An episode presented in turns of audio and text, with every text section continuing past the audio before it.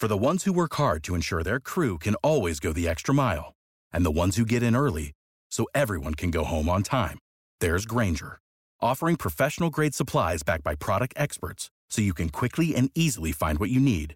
Plus, you can count on access to a committed team ready to go the extra mile for you. Call, clickgranger.com, or just stop by. Granger, for the ones who get it done.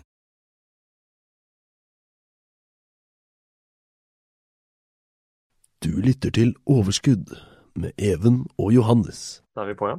Fysisk. Vi, den observante lytteren merker kanskje at vi befinner oss eh, litt annet sted enn på siste episode. Det er fordi vi befinner oss sammen Ja. fysisk. Men nå har jeg, jeg har tatt ferie, kommet meg til Oslo. Åh, deilig. Og eh, det har du òg, eller du har ikke ferie? Eh, Nei, jeg har kommet meg til Oslo, men kun for å jobbe. Ja. Ja. Alt er som før, holdt jeg på å si, når vi sitter sammen. Mm. Hvert fall sånn det har vært i det siste, da. Ja. Skulle det være noe inferens, så er det et lite vinddrag, men vi har nå gjort vårt for å kunne kombinere utesitting med podkastinnspilling i form av en pute dekket til.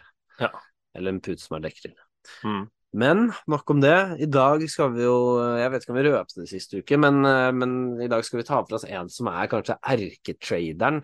Forrige uke tok vi oss for oss dette med kvantefond og hvordan de gjør veldig mange små trades, eller veldig frekvente trades. Men han som eh, han vi skal snakke om i dag, han er liksom erketraderen, altså bokstavelig Ja. en som bytter til seg Mm. og selger med profitt. Si spetalen eller eh, fredelig bare i USA, Ja. med mye større volum, med mye større Ja. Hvis du oppskalerer Arne Fredelig, så sitter du egentlig, så sitter du egentlig med han vi skal snakke om i dag. Og han vi skal snakke om er da Paul Tudor Jones. Mm. En 68 år gammel eh, mann fra Tennessee, USA. Mm. Så jeg kan jo gå litt sånn inn i historien hans. da. Han har jo egentlig en ganske sånn normal bakgrunn, utdannet økonom, da. eh, Og startet sitt eget selskap i 1980.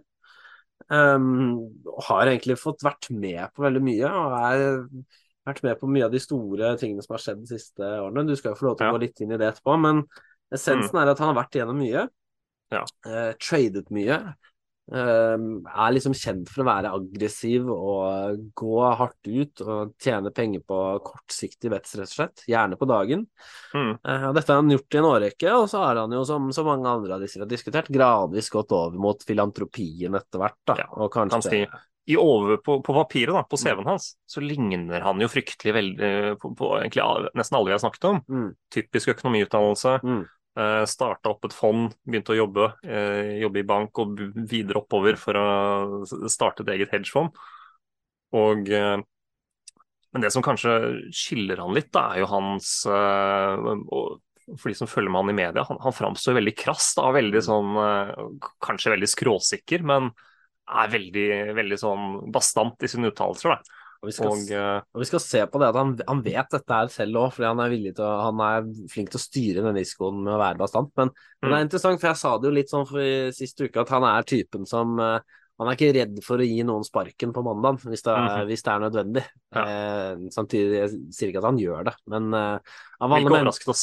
Det hadde ikke overrasket oss hvis han hadde gjort det, eller hvis han er liksom villig til å gjøre det. Så han Mm. er en, han er en sånn hard fyr, sånn klassisk eh, republikaner, tipper jeg.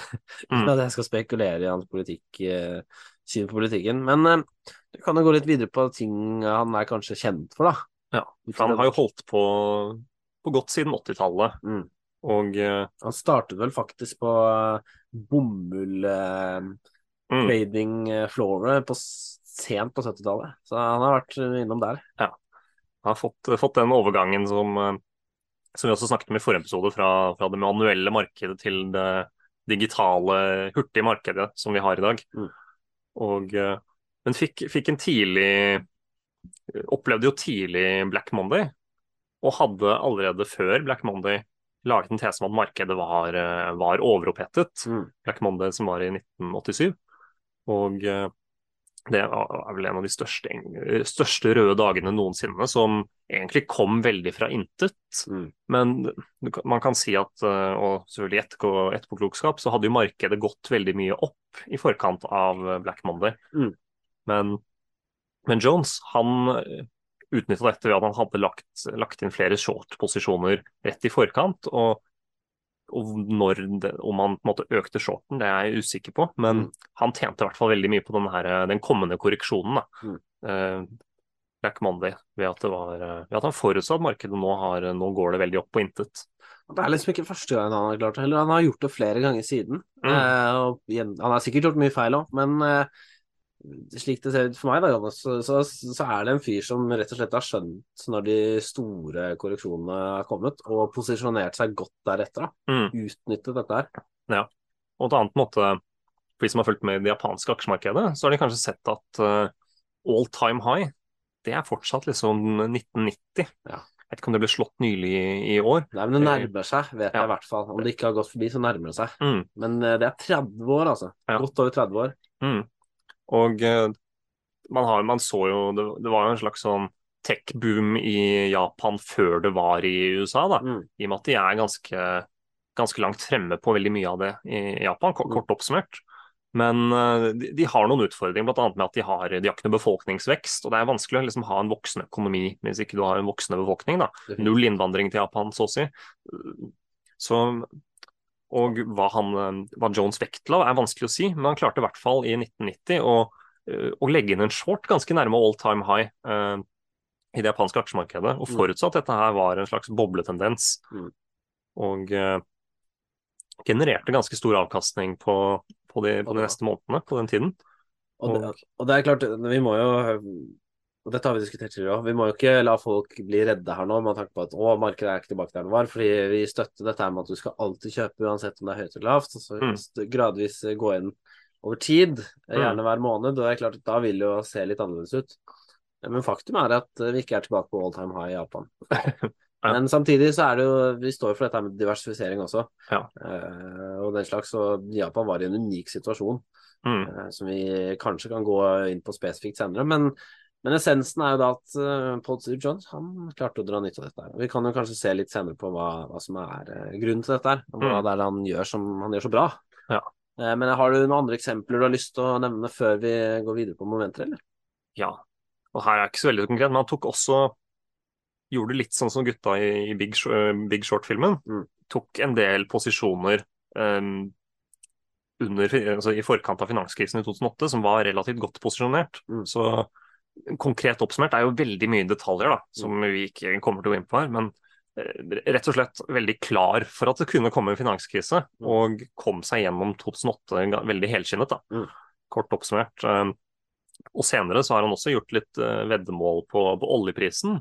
Eh, For the ones who work hard to ensure their crew can always go the extra mile, and the ones who get in early so everyone can go home on time, there's Granger, offering professional grade supplies backed by product experts so you can quickly and easily find what you need. Plus, you can count on access to a committed team ready to go the extra mile for you. Call, clickgranger.com, or just stop by. Granger, for the ones who get it done. hatt noen analyser der han har eh, klart å treffe på en eh, på en eh, et, et plutselig fall i oljeprisen Mm. i da 2014, og som gikk over til 2015, hvor han gjorde, spådde at her var det kraftig overproduksjon. Og at uh, markedet ville bli mettet på et eller annet punkt av lagertall, og at uh, når uh, at man må enten kutte produksjon, eller at det, her, blir, her blir det overproduksjon Mm. og kraftig priskutt i, i spotprisene.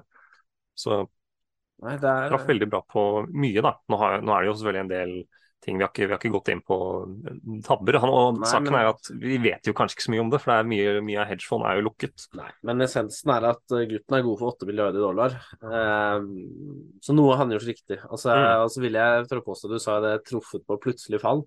Mm. Eh, og noe sier meg at det er liksom essensen her, at uh, han har vært god på det, i tillegg til å Mm. kanskje spille litt long. Men Altså, vi skal vi gå litt på Vi kan avslutte noen fun facts, men skal vi gå på momentene?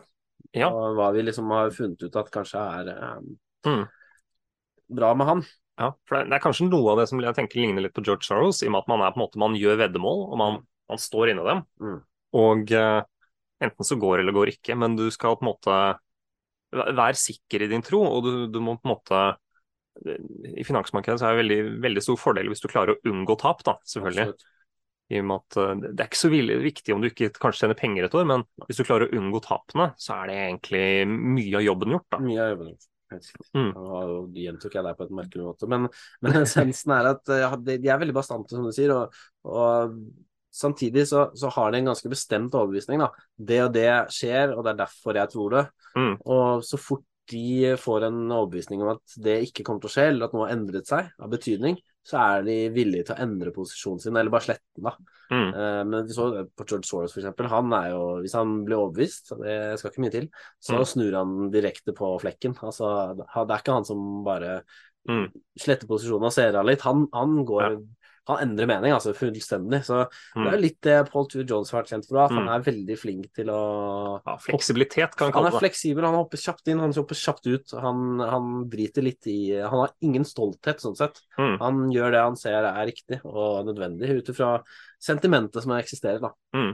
Og han, du kan si Apropos sentimentet, da, han, mye av investeringen hans går jo litt sånn skal vi si, mot strømmen. Mm. Og han har vært flink til å, til å utnytte det. At det er kanskje det er kanskje ikke mest penger der alle legger eh, det, de hestene alle vedder på, kan Nei. du si. Det er, av og til så må man kanskje vedde på det usannsynlige for å klare å tjene gode penger. Absolutt. Og det er det han har vært flink på, klart å treffe disse, det som han anså som usannsynlig. Mm. Um, og du kan si at man har mange av de som klarer å treffe på disse usannsynlige hendelsene, men som gjør et veddemål hver dag, hver uke. og uh, som, som har liksom ropt rese- resesjon siden 2009, uh, og egentlig gått glipp av masse oppside. Ja. Men, men Jones er jo ikke en av de. Han har vært veldig flink til å faktisk treffe. Mm, Så, så det er jo det som man må nyansere litt når man ser på, ser på, ser på disse De som er et evig bear. Ja. De, ja, de treffer de gangene det går ned, men det er jo Men det, det må det jo. mm. Så nei, men det er interessant. Og det er bare med at han har et langsiktig preg Mm. på økonomien, men samtidig så, så er han kjapt inn og ut også. Så, Mm. så det gjelder dette her med å kombinere et langsiktig syn og en tro med, med raske, konkrete beslutninger som, som er disiplinerte. Og det dette snakket om forrige uke. Disiplin er viktig. Og Mm. dette her med å, å ikke, være, ikke være for stolt, da. ikke henge seg opp i en aksje bare fordi du har sittet så lenge med den, eller ja, jeg har tapt så mye. Det, Men rett og slett bare stå i det, og hvis, eh, hvis noe ikke stemmer, så svelg den kamelen og hopp ut. Det, Mm. bare, det, det handler om disiplin, da. Ja. Psykologi og sånne ting. Um, og det å hele tiden være liksom, på hugget og være fleksibel. Mm. Eh, Så han er en sånn type, så er hvordan man kan overføre det. Vel, han er jo god på teknisk analyse, da. Ja, nå kommer, kommer det en hund Nå som kommer det en bikkje her, vi prøver å få han til å ikke spille for mye inn, eh, men det er jo hyggelig, da. Ja, Du lager jo ikke mye lyd, du, Mimmi. Nei, til de som- lurer, så er det en gjest, uanmeldt gjest. Bare så til de som lurer, så er det en, en sort flatcoat retriever med logrende Mm. hale som nå står foran oss. Så jeg håper det kan bidra til eh, Ja, Mm. det er mikrofon. Yes. Og For å bare oppsummere episoden med noen med fun facts, da. Jeg kan Ja, ikke oppsummere. Men uh, Jones driver jo også faktisk med, med surfing på fritiden. Det, Ja. Det er det ikke så mange som gjør. Altså Kunstsamler er han òg, og det er det jo nok mange av de andre vikingene som er. på et tidspunkt så blir jo det en mulig investering. du må diversifisere, si. Ja, ikke sant.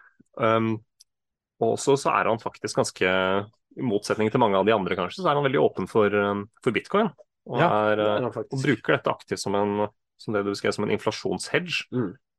Ser man, man vet jo ikke hvor lenge han har brukt dem som en inflasjonshedge, men, men krypto som en skal si en uh, aktiva klasse er han uh, veldig åpen for, og mener han har en, en, en framtid som en av Det er mye forskjellige delte meninger, men han er i hvert fall og det, det kan jo si at Han er jo på en måte åpen for, for nye ting. da, Åpen for at uh, markedet kan endre seg, og at nye, nye ting kan dukke opp som kan være gode investeringer. Mm.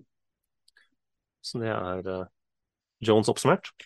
Rett og slett, han er, en, han er en fyr som Du skal ikke skue hunden på hårene. Er uten sammenligning for øvrig til hunden som står her. Men eh, nei, han, er, han, er, han virker som en ganske stilig fyr, altså. Og um, litt, sånn, litt sånn som enkelte av de norske gutta òg, at eh, han er en fyr som eh, som rett og slett spiller markedet litt. Og han er en god gammeldags trader. Han er en, en aggressiv, fet fyr. Mm. eh, som ja, nei, Det er ikke så mye mer å si, altså.